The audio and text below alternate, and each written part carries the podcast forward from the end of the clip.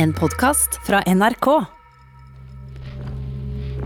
Fotograf Niklas Hammarström och journalist Magnus Falkehed är kidnappade i Syria. Så hör jag plötsligt Niklas skrika att jag är skjuten. De har försökt att römma, blivit övermannade och misshandlade. Niklas är skutt i beinet. Jag bara säger att jag är skjuten Magnus, jag är skjuten. Jag är skjuten. Erik Åsheim och jag, Nina Stenström Martin, vil finne ut vem som kidnappade våra vänner Niklas och Magnus och hur de blev rädda. Detta är episode 4 av Kidnappet.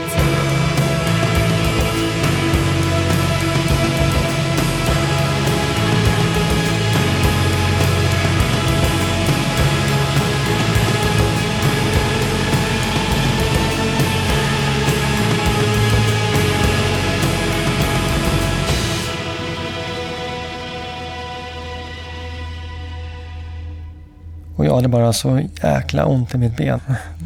Det var som att det skulle sprängas, spricka hela benet känns det som. Ja, det gjorde otroligt, otroligt ont. Magnus och Niklas är dratt tillbaka in i rummet de har suttit fånga i i en uke. Och kidnapparna är förbannade, men han de kallar kapteinen, chefen för kidnapparna, är helt blind av raseri. Han tar ingen hänsyn till att Niklas är skutt.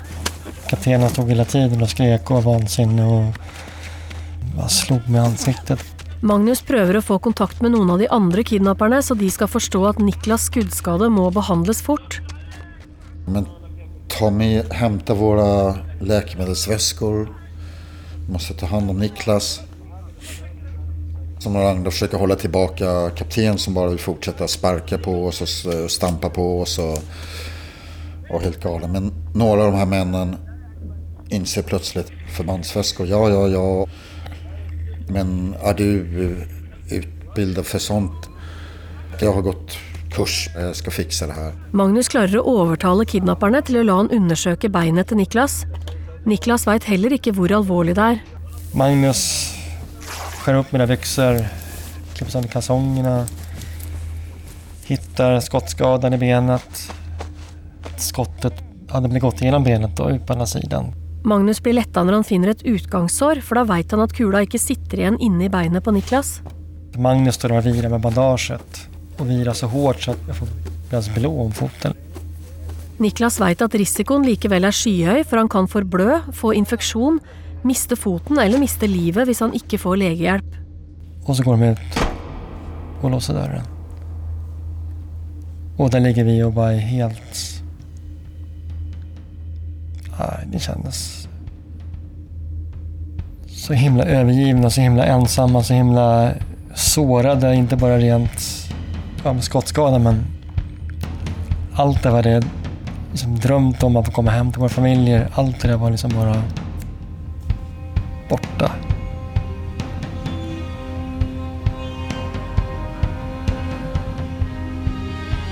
Ingen ute i friheten vet hur allvarligt det är med Magnus och Niklas nu. De vet inte engang om de lever. Erik har reist till Beirut i nabolandet Libanon för att pröva hjälpa till. Och där möter han den svenske Syria-ambassadören Niklas Kebon. Hallå, en, to, en, to, en, to. Ska vi se. Som representant för svenska myndigheter i området så är det hans ansvar att jobba för kidnappade svenska journalister. Du husker jo hvor vi møttes eh, sist? Ja. På grund av krigen har den svenska ambassaden i Syria blivit flyttad från Damaskus till Beirut i Libanon. På, på Mayflower, ja. Ja, just det. Ja. Mm. Efter många år som ambassadör i Syria så känner Kebon förhållandena på backen gott. Mm. Och han har många förbindelser som kan vara till hjälp för Magnus och Niklas. femtiden på morgonen eller någonting sånt där. Jag blev uppringd. Hvor var du? Jag var hemma i min eh, lägenhet i Beirut och låg och sov. det är ju en sorts katastrof. Man fick ju den där känslan, åh nej. Ändå, det här är ju en av de värsta saker som kunde hända. Vi hade journalister från andra länder som hade omkommit eller blivit kidnappade. Men det är klart, när det är ens egna så blir det plötsligt känslomässigt närmare. Och så är det vårt jobb. Han samlar alla kollegor på den svenska Syria-ambassaden i Beirut. Men vad kan de göra?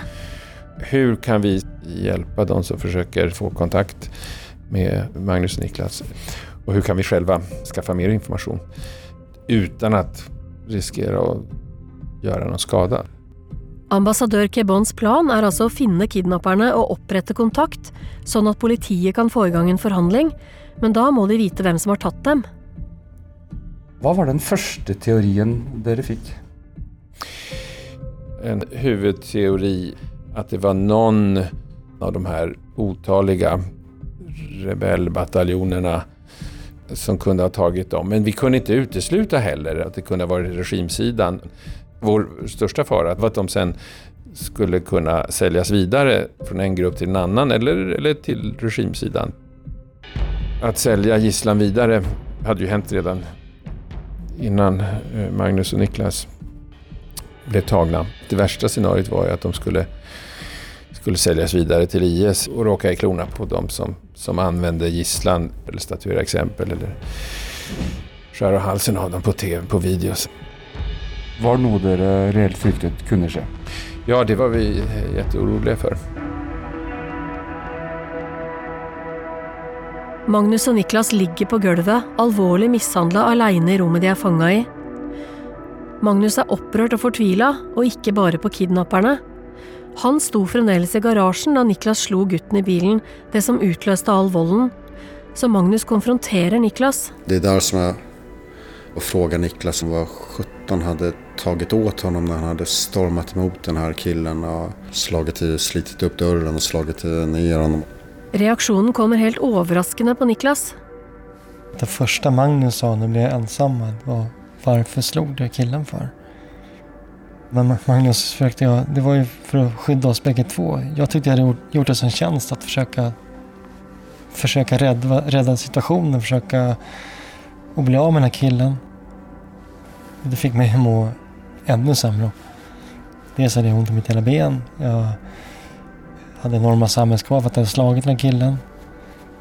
Men jag hade ingen som, som tyckte om mig längre kändes det som. Allt var bara skit. Niklas kan nesten ikke tro hva han kunne vært i stand til å gjøre fordi han følte seg i livsfare.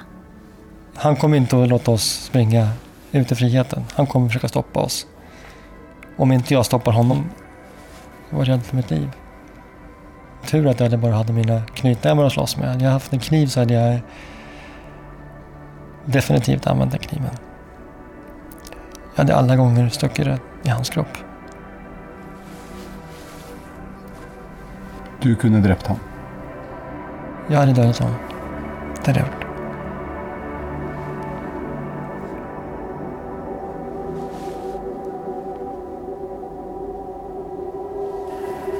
Kidnapperne så ikke hvem det var som slo gutten i bilen, om det var Niklas eller Magnus. Og mens de ble mishandla, spurte kidnapperne igjen og igjen hvem av dere slo gutten. Nå er Niklas redd for at Magnus skal fortelle at det var han. Gjør han det, er Niklas sikker på at kidnapperne dreper han. Niklas säger att nej, nej, nej, nej, du kan inte säga någonting. Du kan inte säga att det var jag som slog honom. I Beirut er ambassadør Niklas Kebon bekymra. Kidnappere som er ute etter løsepenger, tar ofte raskt kontakt, så hvorfor hører de ikke noen ting fra dem som tok Magnus og Niklas? Tänkte det kunde bero på att eh, de befann sig i ett område där strider pågick och frontlinjerna liksom böljade fram och tillbaks. Men ofta som man undrade, tänk om de har... Tänk om Magnus och Niklas inte lever längre. Hjemme i Paris kommer gode vänner med mat och tröst och sällskap till Florence, kona till Magnus, och döttrarna deras, Emma och Juliette. Florence gjør alt hun kan for å beskytte jentene mot angsten for å miste pappaen sin, men noen ganger er det ikke mulig. Hun leser fra dagboka. Innan Juliette gick och lärde sig så ville hon ringa din mobilsvarare för att höra din röst. Hon var förkrossad. Hon var säker på att du skulle svara. Jag älskar dig. Tänk om Magnus och Niklas kunde føle kärleken från dem hemma? I fangehullet där de ligger skadade och skutt, är allt bara smärta. Niklas är livrädd för att Magnus ska avslöja att det var han som slog gutten i bilen, och Magnus förstår att han må bita det i sig. När jag frågar mig vad ska vi säga då? Att vi får säga att det var båda två eller att det var rörigt. Vi bestämmer oss för den strategin att från och med nu är det en för alla, alla för en. De ligger der skada på gulvet. Og så kommer kidnapperne tilbake, for de er langt fra ferdig med å straffe dem. Sen kommer de här killarna in igen. Och nu är de riktigt förbannade. Och så börjar de slå oss.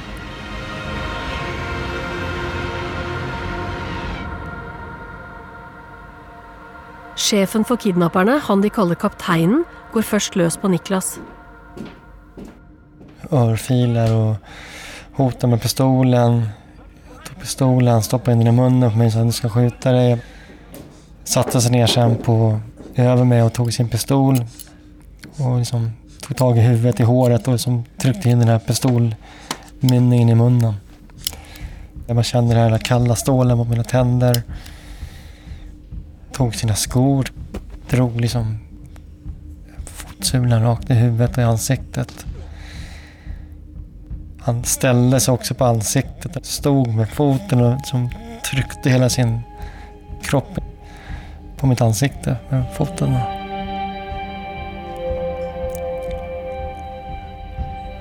Och sen började man ta Magnus.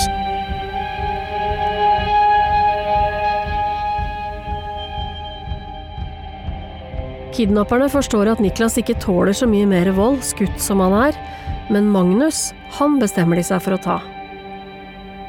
Nu, nu skulle jag få smaka på den här medicinen. Nu skulle jag straffas. Magnus har skjønt at han skal tortureres, så han gir brillene sine til Niklas, som gjemmer dem under madrassen. Magnus ser nesten ikke uten dem. Kaptenen var inte bara rosenrasande, den här gången var mer kalkylerande. Så han gick runt där och letade efter redskap. Och då sitter jag där på knä på golvet.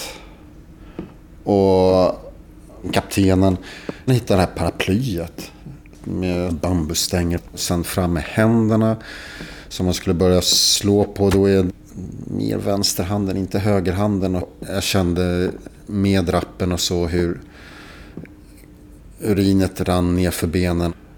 Jag vet inte om det var rädslan, smärtan, allting säkert i en enda, ett enda hopkokt. Så där håller han på och slår och skriker. Niklas ligger på gulvet og ser Magnus bli torturert. Vid några tillfällen försöker säga please, please, stop, no more. Men eh, de lyssnar såklart inte. Magnus blir piska over hendene med bambusstenger lenge, og så blir torturen mer avansert. Kommer tillbaka igen och med en massa verktyg och så här tång. Då blev jag ännu mer rädd att vad ska jag nu? Ska jag börja rycka av oss naglar och Han trycker upp mig mot en vägg, tar fram en tång och framför ögat och tänker nej, inte ögat.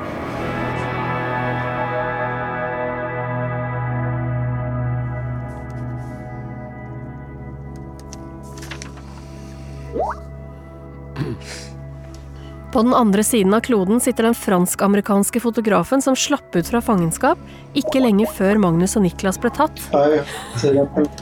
Jonathan Alperi ble også torturert i et fangenskap som varte i 81 dager. Etter at han slapp fri, så brukte han mye tid på å dele og finne informasjon som kunne hjelpe Magnus og Niklas. So every day for a few weeks, just gathering information. Jonathan ser mange likheter mellom sin egen kidnapping og det som har skjedd med Magnus og Niklas. Han tror de må ha sittet fanga på omtrent samme sted, for det var den samme delen av den frie syriske armeen som hadde makta der, og de samme opprørsgruppene som opererte i området. I was held very near Rankus. Most likely, probably is the same uh, rebel group because it's the, the same Katiba who controlled the area and they were the strongest guys around. So, uh, in my opinion, it's most likely the, the same guys.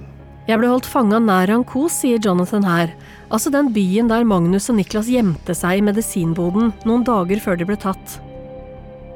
Akkurat som Magnus og Niklas, så ble Jonathan også tatt mens han satt i bilen, sammen med fikseren sin og en bevæpna vakt. As soon as they dragged us out of the car, they put you on your knees and then they pretend to execute you. They're shooting rounds just to break you up. Før han ble kidnappa, så hadde Jonathan dekka 13 kriger som fotograf. Men de 81 dagene han var kidnappa i Syria, er likevel det verste han har opplevd. Han tror at kidnapperne bruker vold og tortur for å skremme fanger til å bli lydige. Men ikke alltid. Noen fanger ble utsatt for en annen type tortur. It's not meant to kill you, it's meant to more break your will mentally so you don't try anything, escape, or try to hurt them. They had captured about three, four guys and they were torturing them really badly. And that was a different kind of torture, so I could hear the screams for about a week. DGSE, de franske hemmelige tjenester, ser også likhetene mellom det Jonathan opplevde og det de tror skjer med Magnus og Niklas. Så de flyr Jonathan til Paris så han kan gi dem all info han har. So you, you spend time in Paris, the various government building dealing with Secret Service. You're sitting at a table and you're surrounded by all these people and you spend hours answering their questions. What uh, kind of information could you find for them? Well, they're trying to locate the, the area, the kind of units, manpower, weapons. They just want to know every minute. So they want to understand how things operate on a very tactical level. Did you get the impression that they knew a lot about these guys? They suspected it was the same rebel group. So, uh, in order to make correlations, they were asking all kinds of questions. Like, they were showing me pictures of who was the leader and who's not. They had information on who were the rebels in the area. Also, descriptions of the village to try to locate where I was exactly.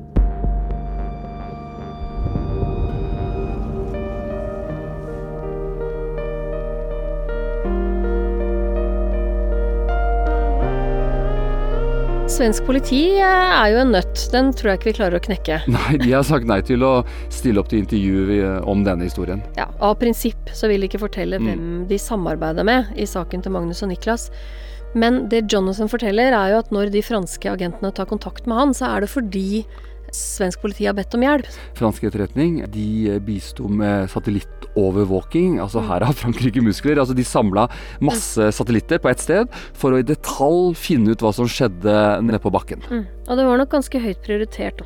Fordi den franske presidenten, Hollande, han skal ha hatt saken på sin pult og bedt om oppdateringer hver dag. Francois Hollande han har sagt nei til å si noe mer om dette til oss. Mm. Prinsipper, altså. Ja. Men det begynner jo å peke seg ut nå at det er ei opprørsgruppe som finansierer krig med kriminalitet.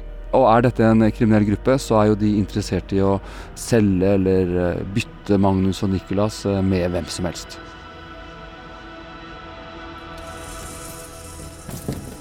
Magnus har blitt heist opp etter beina med fotlenker rundt anklene og blir piska under føttene med gummislanger. Det är fler slag, de hittar gummislangar och till slut ska ner på magen och handklovar kring eh, anklarna. En som liksom håller benen, eller för fotsulorna upp. De står och piskar mot fotsulorna. Niklas ligger på av stand til å røre seg mens Magnus blir torturert. Det ser väldigt otäckt ut. Det, det, hela allt det där blir som nästan som en film. Och jag tvingar mig att se allting. Jag tittar hela tiden på Magnus när han får landslagen. Vi ligger och har ögonkontakt så vi tittar på varandra. Och jag kände inom mig att jag, jag måste se på det. Jag måste titta på Magnus. För att han, han får styrka när jag tittar på honom. Och Magnus blir starkare av att veta att jag, att jag finns där för honom. Mina tårar rann, jag grät liksom. Det höll på ganska länge. Kidnapperne spør og spør. Hvem slo gutten i bilen? Var det du, Niklas, eller var det du, Magnus? Vem var det? Var det du? Var det han? Var det jag? Och han slår och slår och slår. Man ser hur han blir så här svettig och hetsar upp varandra. Och... Ja, det är otäckt att det här kan liksom eskalera till någonting som går helt utom all kontroll. Innimellom tar kidnapperne pauser fra å torturere Magnus, och varje gång de går ut av rummet så hoppas han att det är över. Men så kommer de tillbaka igen och igen.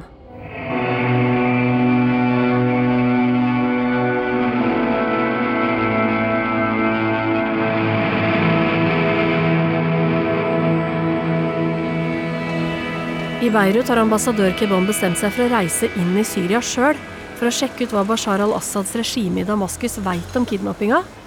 Målet hans er å få bekrefta at det ikke er regimet som har tatt dem, og starte en dialog i tilfelle Magnus og Niklas skulle havne i regimets hender seinere. Men det er ei farlig reise, og den kan bare gjøres med bil. Det är klart man tänker tanken att eh, risken att man blir angripen eller försök till kidnappning. Då hade vi ju fått eh, förstärkta bilar och sådär och eh, vi hade extra säkerhetspersonal. Kebon och hans folk sätter sig in i de pansrade bilarna i Beirut i Libanon och kör i riktning Damaskus, in i krigens Syrien. Vägen från Beirut till Damaskus är ganska vacker. Först åker man ju upp från, från kusten upp eh, över bergskedjan. Efter någon timme så kommer man ner mot Bekadalen. Och sen kör man ungefär en halvtimme genom fortsatt bergstrakter. Efter ett tag går ner mot Damaskus. Och där tror jag räknade till 8-9 checkpoints längs vägen. Framme i Damaskus treffer ambassadør Kebon representanter for Bashar al-Assads regime, og han legger det fram sånn at han er der for å informere dem om kidnappinga. Det är när vi först tog upp det första gången att de sa varken bu eller bä. Och jag menar, vi hade inte särskilt goda relationer. Vi var väl samtidigt oroliga för vad om regimen skulle ha fått händerna på dem, så vad hade de använt det till? Det hade ju varit en möjlighet för dem att, att använda Magnus och Niklas för att påverka oss. Men vi bedömde att den risken fick man ta. Skulle det ske så, så var det ändå en part som vi hade kontakter med. Kebon føler seg nå sikker på at det ikke er regimet som holder dem. Samtidig ringer telefonen på kontoret til den syriske menneskerettighetsorganisasjonen Skeies i Beirut.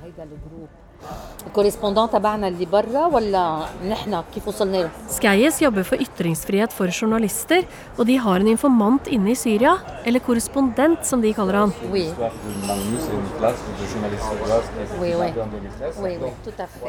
Hun som starta Skeies, Giselle Kori, tar telefonen. He told me he is in contact with somebody who knows very well this group. Giselle venter til informanten inne i Syria har snakka med denne personen, som altså skal kjenne gruppa som har kidnappa Magnus og Niklas godt, og så kontakter hun den svenske ambassaden. Uh, this correspondent tell me we know who is the group and we will see what they want. After maybe seven or eight hours, we knew that they are still in life, but we have to work a lot for release them. Det er en enorm lettelse. Magnus og Niklas er i live. Og det blir mer og mer tydelig hvilken gruppe som har tatt dem, men det er fremdeles ingen direkte kontakt med kidnapperne. I fangehullet sliter Niklas med samvittigheten. Och det var nästan det värsta, liksom, att liksom, se någon annan bli misshandlad framför en. För någonting som det kändes att jag hade... Att bara jag var skulden till det. Så var det inte. Vi hade ju kommit överens om, både jag och Magnus, att vi skulle, ju- vi skulle ju fly. Men ändå så kändes det som att det var mitt fel att, att vi låg där. Och han skrek, det gjorde ont. Jag vet att jag låg där och kunde inte göra någonting. Då släpper de in mig på toaletten och binder om mig. Händerna, munnen, och tejp över. Och sen så gör tecken åt dem att vara, hålla tyst. Magnus blir bundet fast inne på det lille toalettet, for kidnapperne har skjønt at skuddskaden til Niklas er alvorlig, og de har fått to menn til å komme til huset. Jag får inte prata med någon. De lägger en filt över huvudet på mig. Så bara benen sticker fram. Och in kommer två personer. De tar bort bandaget på mitt ben. Och jag känner två stick i benet. Får två sprutor. Så lyfter en av dem på filten och tittar in under på mig. Och innan då de här männen går så, så trycker liksom den ena två gånger på min, på min hand. Så ungefär som att det är på min arm att ja, det är lugnt. Vi vet att ni är här nu. De kändes inte onda utan de kändes mer som att de ville ja, hjälpa. To tydliga tryck på hånda. Var det för att säga si 'vi har upptäckt vem du är? För första gången sedan det blev tatt, så føler Niklas håp om att någon utanför kommer att finna ut hvor de är. Men så snart männen har gått från huset, så blir Magnus dratt in i rummet igen och torturen fortsätter. När de piskar mig på fotsulorna och slår mig med kolven i ansiktet varje gång som jag reflexmässigt reser upp ansiktet för att tjuta ut skrik. Hela den eftermiddagen och kvällen och natten försiggick det här straffet. Varenda gång de kom in, vem var det som slog, vem var det som slog? Det var det enda de ville ha fram. Kroppen til Magnus har ingen krefter igjen, men i hodet hans skjer det noe helt spesielt. Jag hade hört på en kurs av en uh, instruktör som hade blivit torterad i, uh, i Afrika. En situation av tortyr, försök skapa en psykisk bubbla. Jag menar doobie doobie doobie Jag flyr in i min hjärna och försöker hitta någonting. Det som jag greppar tag i blir Mowgli. Bilden av den tecknade Walt Disney-filmen som, som man ser i Sverige varje julafton. För mig eh, synonymt med julgran, tända ljus, familj, trygghet, lycka. Låt mig vara. Och du! Mowgli, favorittegnefilmen fra barndommens julaftener. Og en helt spesiell scene begynner å gå på repeat inn i hodet til Magnus. Ja, jag klamrar mig fast min lilla Mowgli. Jag mår fint. Jag mår bara bra. Jag är nog tuffare än somliga tror. Mowgli som får stryk av Baloo och, och säger att jag är tuffare än vad somliga tror och kommer igen och kommer igen. Jag försöker också att tänka på barnen, på Florence. Men det blir ändå den här Mowgli-figuren som jag greppar tag i hårdast. Men det är någon form av mänsklighet som jag försöker greppa mig tag i. Den enda medmänskligheten jag har, det är Niklas. Men det är ändå inte han som kan hjälpa mig. Jag gräver efter min Mowgli-bild. Jag mår fint. Jag mår bara bra. Jag är nog tuffare än somliga tror.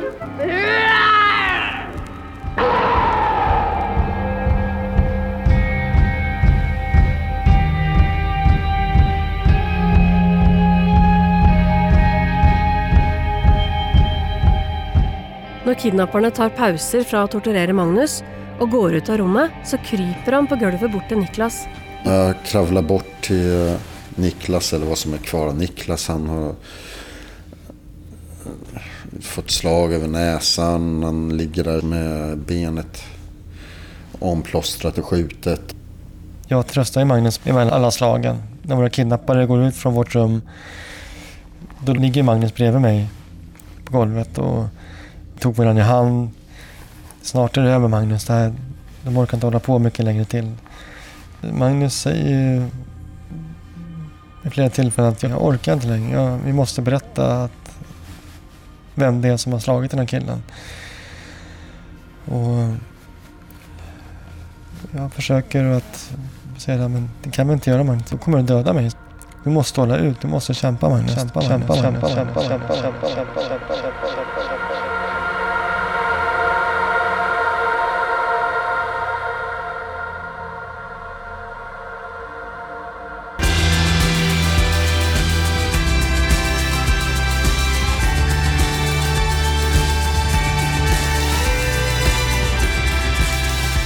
I neste episode ringer kidnapperne hjem til Anna. Den röda telefonen. Var är den röda telefonen? Efter ett par signaler svarade polisen Janne. De har tagit kontakt. Du har hørt den fjerde av seks deler av serien Kidnappet. Kidnappet er laga av meg, Nina Stensrud Martin og Erik Aasheim, med journalistiske bidrag fra Magnus Falkehed og Niklas Hammarstrøm. Lyddesign er ved Merete Antonsen, og Kjetil Saugestad er produsent. Siril Heierdal er ansvarlig redaktør. Serien er laga med støtte fra Nordvisjonsfondet, og Sveriges Radio er koprodusent. Takk til Florence Falkehed og Anna Hammarstrøm, som leser sine egne dagbøker. All musikk er spesialkomponert av Sigurd Ros.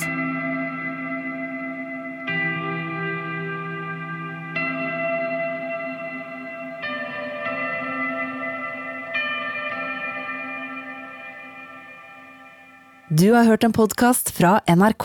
Hør flere podkaster og din NRK-kanal i appen NRK Radio.